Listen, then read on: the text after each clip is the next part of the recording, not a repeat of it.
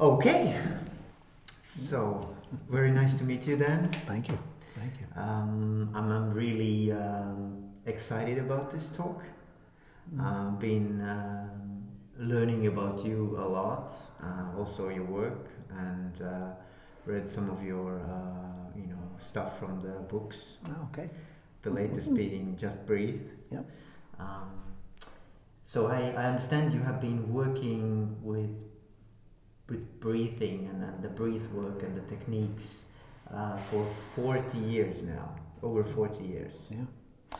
Yeah, I started in uh, 1970 and um, as an X-ray technician. X-ray technician. Yeah, and so you know the, the, one of the easiest X-rays to take is a chest X-ray. So as a student technician, I got all the chest X-rays. And when you take a chest X-ray, you tell someone taking a deep breath, hold it, click, and you take a picture.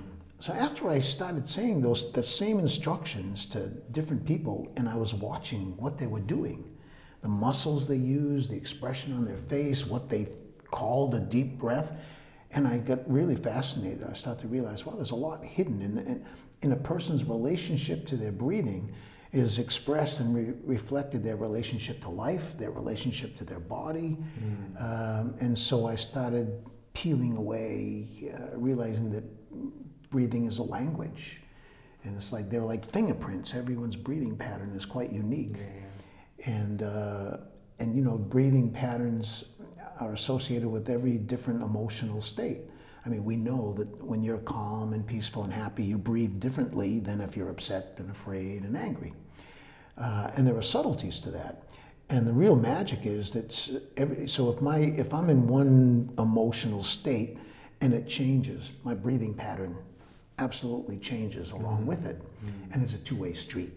So what we started to realize was, hey, if you can control your breathing patterns, and uh, you can control your emotional state, your psychological state, your physiological state. So, breathing is a way to hack into our nervous system, hack into our immune system, and to get a handle on things that normally would think well, we don't really have any control over. And breathing proves that wow, we can control a lot more than we realize. That's very interesting. Uh, I've, I've, you know, in a way, consciously or, or, just thinking it, it, it it's it's it even kind of unbelievable in a way because it's so so natural to breathe and then think about it as having such a big impact on our lives. Yeah. The simplest things are always the most powerful in yeah, life. Yeah, yeah. You know, we take them for granted, we overlook them, we underestimate them, and so breathing that's the quintessential example of something that's literally right under our nose, and we underestimate the power of it. Um, but it's fun when you begin to play with the breath and you realize, wow, you can begin to access certain abilities and access certain states that we once thought that was only, you know, for the Buddha or the great masters or the great saints or the great warriors or the yogis. But the average person can, can achieve those same abilities and states by practicing conscious breathing. I've, I've also heard that you, you were um, coaching Tony Robbins. Yeah. that, that, he's, a, he's a blast. I, I worked with his son first, okay. Jairek. Okay. And Jairek was psyched. He went home and told his dad. And so Tony called me up and said, Hey, this is Tony Robbins. Get the fuck out really? So yeah, we um, we chatted for a while. We did the first Skype session, and he was quite blown away. I mean, he's very conscious of the yeah. breathing already. He watches it in people. He already is very. He knows that if you're holding back emotions, it shows in your breathing, um, and so he's he's for years he's been very familiar with it. But he's had one. He does a certain practice, breathing practice every day. One and so I told him, I said, that's like an artist with one color on your palette. Mm. I mean, great, mm. you can, but what if you have a dozen colors or 20 colors? Imagine what you can create. And um, so he, uh, he had some personal medical things he's, he's working blood on. Pressure. Yeah, yeah. So he was, he lowered his blood pressure and by 15 points yeah. within a week. Yeah. So, uh, I mean, he's a good student and he's, you know, he practices. Um, but little things, you know, like uh, when when I told him to take in some deep breaths really fast, I could see his temple muscles and his. I said, "Well, man, those aren't breathing muscles. Get those out of the way." And so that simple little thing of combining relaxation with breathing, suddenly, like all kinds of things shift physiologically, shift chemically. So you know, little subtle things. And I've always been a fanatic about breathing, and I'm you know, most people don't study breathing very closely, you know. So, mm-hmm. but I've, I've been really passionate about it for a long time. So I can see things in people's breathing that they, they don't. So it's easy, it's easy to, uh, let's say, impress people with the possibilities. Because if you've been going your whole life and not realizing that you have a certain breathing reflex or a certain breathing pattern in certain under moments of stress that you, you click into dysfunctional breathing patterns and you're oblivious to them, that's like dynamite when you discover something like that. Mm. And people like Tony, who are at the top of their field, you know, I mean, they're, they're already outrageously successful. Or if you take the top athletes in the world, yeah, say the yeah. top 10 tennis players, yeah, their skill level is so close at the top that on any given day, even a little advantage is enough to take the day. And so breathing is giving people that key. And it's, it's like the new yoga. Breath work is the new yoga. Yeah. And it's the, it's, the, it's the next major key skill set that high performing individuals need to have. Mm and and it's breathing is you know it's coming alive in the mass mind. Everybody knows breathing's important, but th- then they leave but, it at that. But really, yeah, exactly as you say. I mean, it's it's it's it's almost like you know I know how important it is what you eat, right? Mm-hmm, right. But but at the same yet... time, you think you know doesn't matter really, you know. Yeah, yeah, yeah. But uh, but let, let's let's go a bit deeper. So so I know um, that you have been working also with. Uh, the, the, the leaders and, and you know the business community. Um, so so our my podcast listeners are mainly from that area. Mm-hmm. So what is your experience with leaders? How could they in the business uh, business related environment? How could they benefit from breathing? Well, one one very easy approach is you take all the lessons from the warrior world. Mm-hmm people who are living in, you know, working in life and death, high stakes situations, they're trained to breathe. Mm-hmm. Um, you know, if you're a Navy SEAL or a Special Forces warrior and you you're dropped out of the helicopter into who knows where, mm-hmm. and uh, you know, what do you do? Do you call your mother? Do you roll up in the fetal position? And, you know, do you reach for your weapon? No, you control your breathing. So by controlling your breathing, you control your arousal, so if you have an important presentation, an important uh, meeting, you want to show up the best you can. And so you take the lessons that the warriors use and you apply them. That's one basic thing. And the other is you take the lessons from the yogis mm-hmm. and the great masters and you practice that stuff and you apply it. So, yeah, Oren Klaff is a good example. I don't know if you've heard of Oren Klaff. He's got a book called Pitch Mastery brilliant, brilliant guy. And you know, he does does a half a billion dollars a year. He raises money. He's a venture capitalist.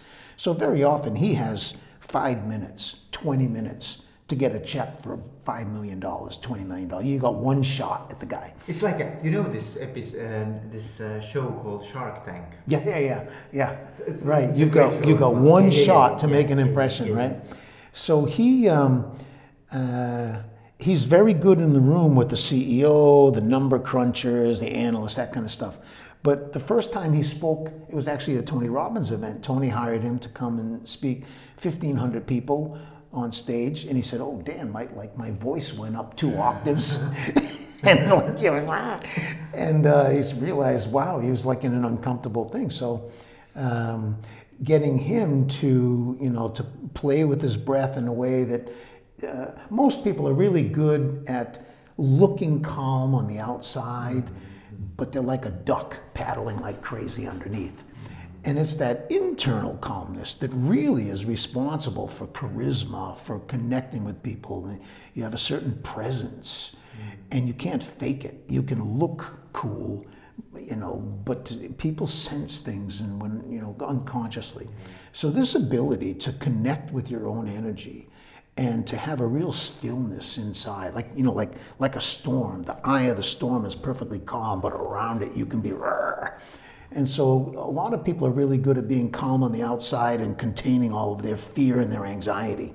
So with the breath, you just turn that around. Uh-huh. You you you you find a way to create really deep inner peace, clarity, centeredness, calmness, and then it doesn't matter whatever you say. It's coming from you know, it's coming from a different state, a different space, and it may, and people sense it.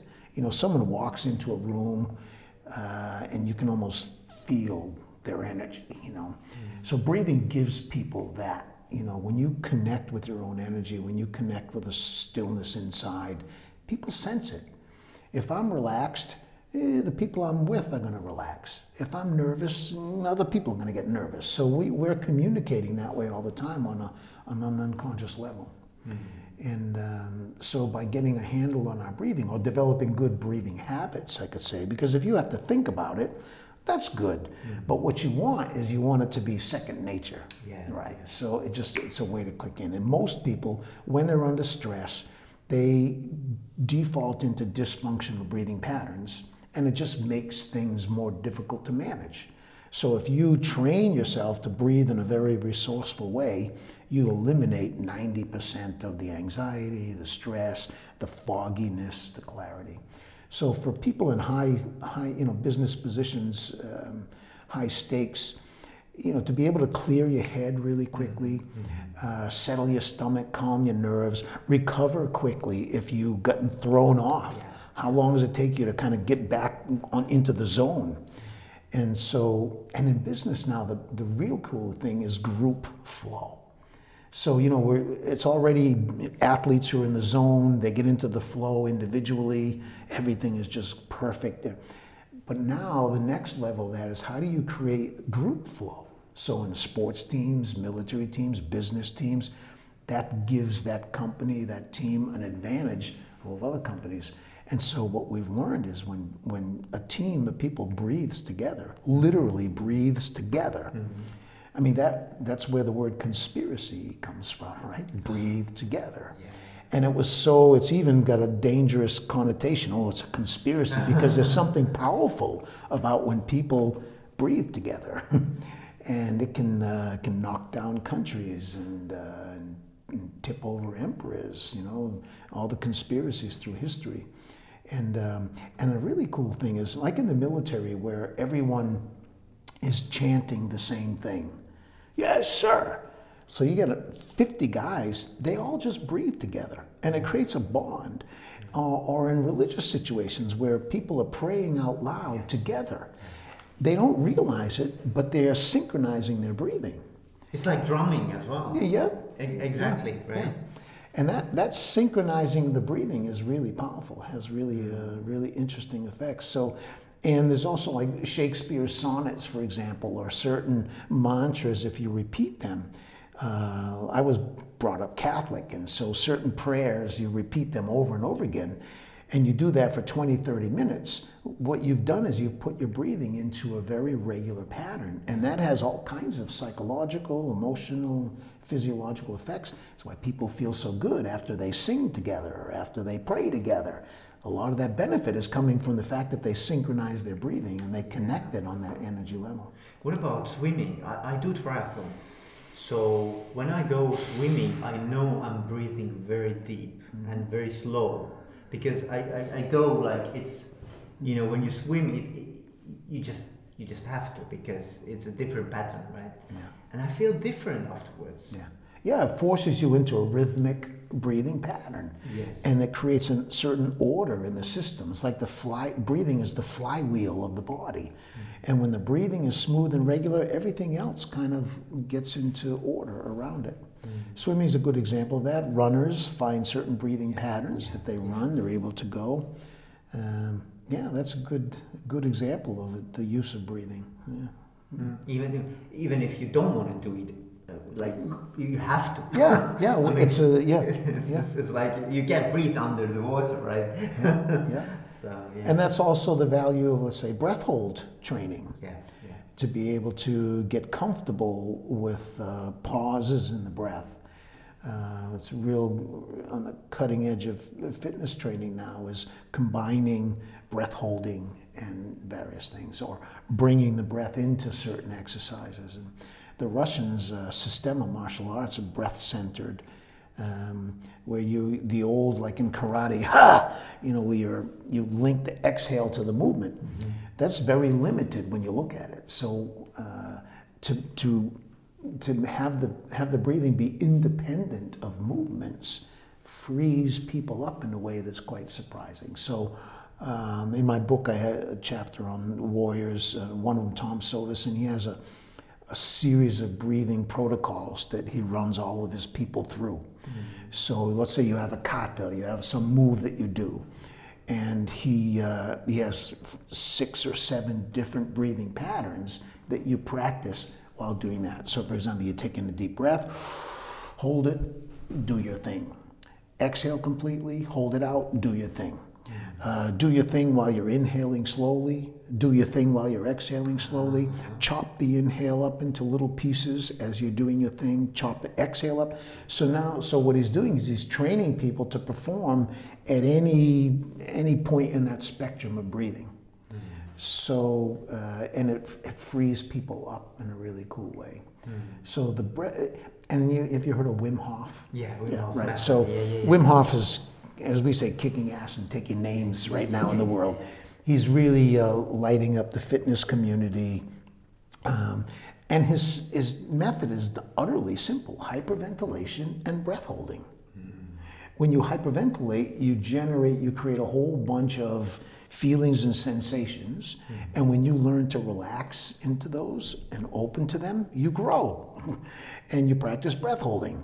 And when you hold your breath, you bring up a different package of emotions and feelings and reactions. And if you get comfortable with those, you grow. So the two things is, you know, it's it's an it's a yogic approach, really. You know, he's a yogi, you know, in a sense. And what's interesting, he has actually underwent some study. Yeah, yeah, yeah. They inject him with yeah, endotoxins, and he doesn't have symptoms. Yeah, and he could actually actually impact his immune system. Yeah, yeah, yeah. We can hack into our immune system, no doubt about it. We can hack into our nervous system, and the the, the research around um, it's only 20 years, maybe less, 15, 20 years the maximum this uh, polyvagal theory by this Dr. Porges, uh, New York. The, the vagus nerve, which is the biggest nerve in the body, there are two of them, and vagus is based on the word vagabond, means to wander everywhere. So they call this nerve the vagus nerve. And up until 20 years ago, medical scientists just assumed that this is how the brain controls all the organs and the thing. But then they realized that 80% of the signals are coming from the body to the brain, not from the brain to the ah. body, but from the body to the brain. And when you breathe and you breathe in different ways, you activate the vagus nerve. So you can choose the signal that you send to the brain, mm-hmm. and then the brain has no choice but to produce certain hormones and chemicals and put you into a certain state. So that research around the vagus nerve is really, uh, really exciting stuff because it, it explains why some of the yogis and these masters can do these seemingly, uh, you know, unbelievable things and control their physiology and so on. And all this research on the vagus nerve is beginning to crack, crack that open. Mm-hmm. That's interesting. Mm. What about? I know you have studied the, the high performing different from different fields, right? I tried to go everywhere, right? Yeah, I've tried to study with and, them. And you said almost all of them have certain patterns of, of, of breathing. So, so what have you learned from them? I mean, what, what, what? There are certain fundamentals, let's say. No matter which school of breathing or style or whatever it is, there are certain fundamentals. For example, combining breathing and awareness or consciousness. I mean, breathing's happening all the time, but we're rarely conscious of it. And when you bring together consciousness and breathing, an energy emerges. We, you, you actually begin to generate energy. Mm. And when you control your breathing, you are controlling your awareness and you're controlling your energy, two of the most important things if you want to perform. And so, in those high performing fields, um, one of the things, some of the stuff that we've learned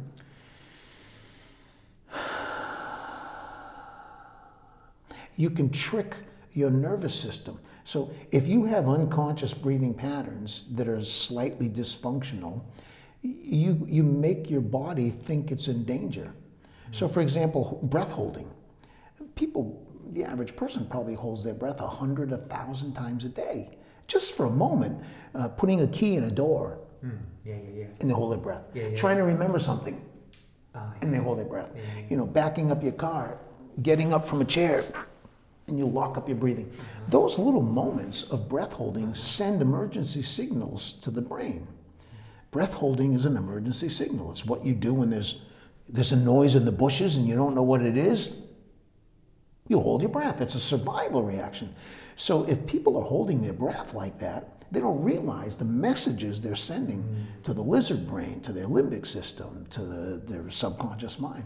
So uh, taking simple things like a sigh of relief and training people to take a sigh of relief consciously and deliberately. It creates a space in a conversation, for one thing. And if you inject that conscious breath between a question and an answer, it has really powerful effects. Um, and it's a way to, to catch yourself if you start to get upset or anxious or get clear. The breath can bring you back to center, back, back to For focus. example, when I run, that's also interesting. Sometimes I'm taking a very deep breath, and, and then exhaling very slowly. Mm-hmm. And it takes my, my, I feel that my, my heart rate is going big down Yeah, because of that. definitely. And, Yeah. and, and I, I was wondering, you know, this is, these are the kind of things, I'm not doing even like consciously, but, but this is something that comes from the body Yeah. itself. Yeah, it's a body intelligence, Mm-hmm. heart intelligence. Yeah. Um, there's a really one of the most interesting. Uh, you know, I, I'm essentially I'm a fanatic and I'm obsessed. People know, and so if they see an article or read an article about breathing, they send it to me because I tell them if I haven't read it, I want to read it. And one of the most recent ones, le- less than six months ago, maybe six months maximum, University of Virginia Medical Center was doing. Um, uh, cognitive testing on a group of epileptic patients who were preparing for surgery. I guess it's some kind of a surgery. If you have really serious seizures, they go in and they snip something in the brain and it reduces the frequency or the intensity of the seizures. So they were doing cognitive testing before the surgery, I assume, because they're going to test them afterwards to make sure they didn't lose any uh, cognitive abilities. And one of the tests was facial recognition. So a, a face shows on the screen, and you say, "Is it mad, sad, afraid, angry, whatever, confused?" And what they, when they were correlating the data afterwards, they realized that if the person happened to be breathing in through their nose, when the image flashed on the scene, their recognition was quicker and their recall was greater. And if they happened to be breathing in through their mouth, there was no added benefit. And if they were exhaling, there was no, no extra benefit. But without exception, if they were breathing in through their nose, they had those benefits. So that's an ancient Taoist practice. If you look at a sunset, don't just look at it, breathe it in. If, if somebody's you know, telling you something, don't just listen, breathe in the energy behind the words. It, it deepens the energetic connection between you and whatever you're experiencing. And uh, so people feel like they're really heard. If, if you're breathing in while they're speaking, they have an unconscious, intuitive sense that really being heard, sometimes for the first time. So there are ways to play with the breath in situations to add some, add something. to it. yeah, yeah. yeah. Uh, also, one of the interesting experiences I- I've had is uh, I don't know if you're aware, uh, if you know, but but uh, when you go to high mountains, Mhm. you can acclimatize yourself beforehand with a, uh, hypoxia, Yeah. and I've done that Mhm. because I went. I had a I had a race um, in uh, Rocky Mountains Mhm. in U.S. It started from the 3,000 meters, went up to four, four even more than 4,000 meters. So I had to do it Yeah. before because in Estonia the highest hill is 300 meters. Right. so, It's a mountain. You guys have a big mountain here. so, That's why your cell signals are so good, though. so uh, yeah, and, and it was an interesting experience for me because it, it deprives you of oxygen, right? Yep. Uh, and and then how you feel if you get the oxygen back?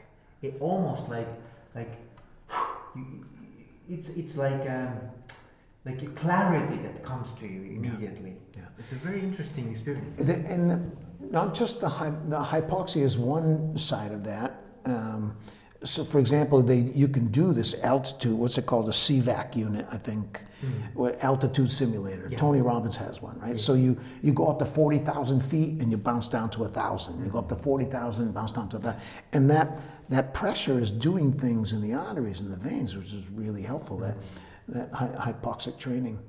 Um, but the other side of that is the whole CO2 aspect. You know, a lot of people think, okay, if you hyperventilate, you super oxygenate your cells.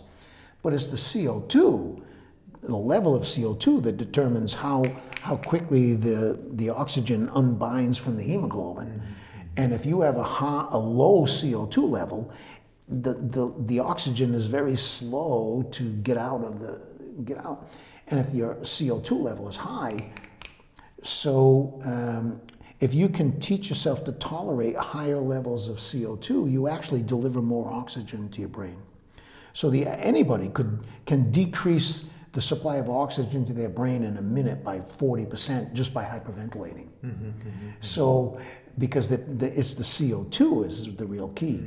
And CO2 is also what, the, what causes us the panic. So when you hold your breath and you start to feel that, that's CO2. So if you train yourself to get more and more comfortable with that, then you perform better under stress. And in a high altitude situation or a stressful where you're, you know, a lot of lactic acid happening and high, high uh, stress exercises, you get comfortable with those higher levels of CO2 and you, you can breeze through things that other people are going to be suffering and struggling with. So breath training in that field, mountain climbing, swimming, gives people a real edge. yeah, yeah. Okay, Dan, it's very nice to talk to you.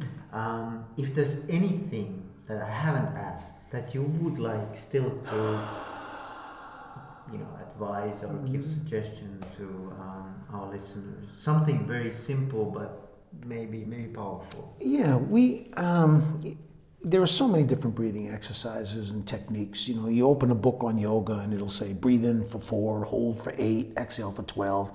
That's like a cookie stamp approach, you know, and and depending on your level of skill, your degree of health, your purpose in training, different breathing techniques and exercises will serve you better than others. And so I'm a real believer in giving people the fundamentals uh-huh. and then allowing them to, to play with them in ways to be creative. Okay. So, for example, combining awareness and breathing, combining relaxation and breathing. So, anybody can breathe deep, but they're not relaxed. Mm. And when they relax, they don't breathe. and if you can bring those two things together, you literally move into the zone. It's like the, the ideal warrior state is somebody who's fully charged with energy, but perfectly calm and perfectly still. That combination of peace and power, you're a dangerous son of a gun on the battlefield, right? And most people give up that. They give up the relaxation for the energy, and they give up the energy for the relaxation. So when you combine breathing and relaxation, you enter this kind of dynamic calmness, this energized calm. It's really quite amazing state, and uh, and it's it's uh, it's it's addictive Eh, because you recognize when you're not in it. So, and a lot of people are using that Uh, uh, to make a decision. Should I do this or should I do that? Okay.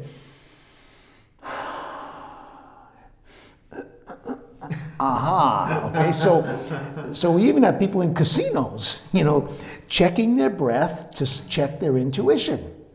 And if you are breathing, so I suggest people start with what we call a triangle breath. Mm-hmm. Inhale, exhale, pause. Mm-hmm. Inhale, exhale, pause.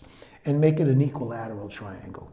And do it very consciously. Consciously inhale, maybe count to three. Consciously exhale, count to three, and then pause. And then make that triangle bigger. Four, And, and four, pause four. is also three. Yeah. So every every corner is. the same. Inhale, exhale, pause. Yeah. inhale, exhale. That's how nature breathes us when we're at rest. So if you start to practice that way, you're coming into harmony with your nature. You're, you're getting off to the right start with it's something that's natural.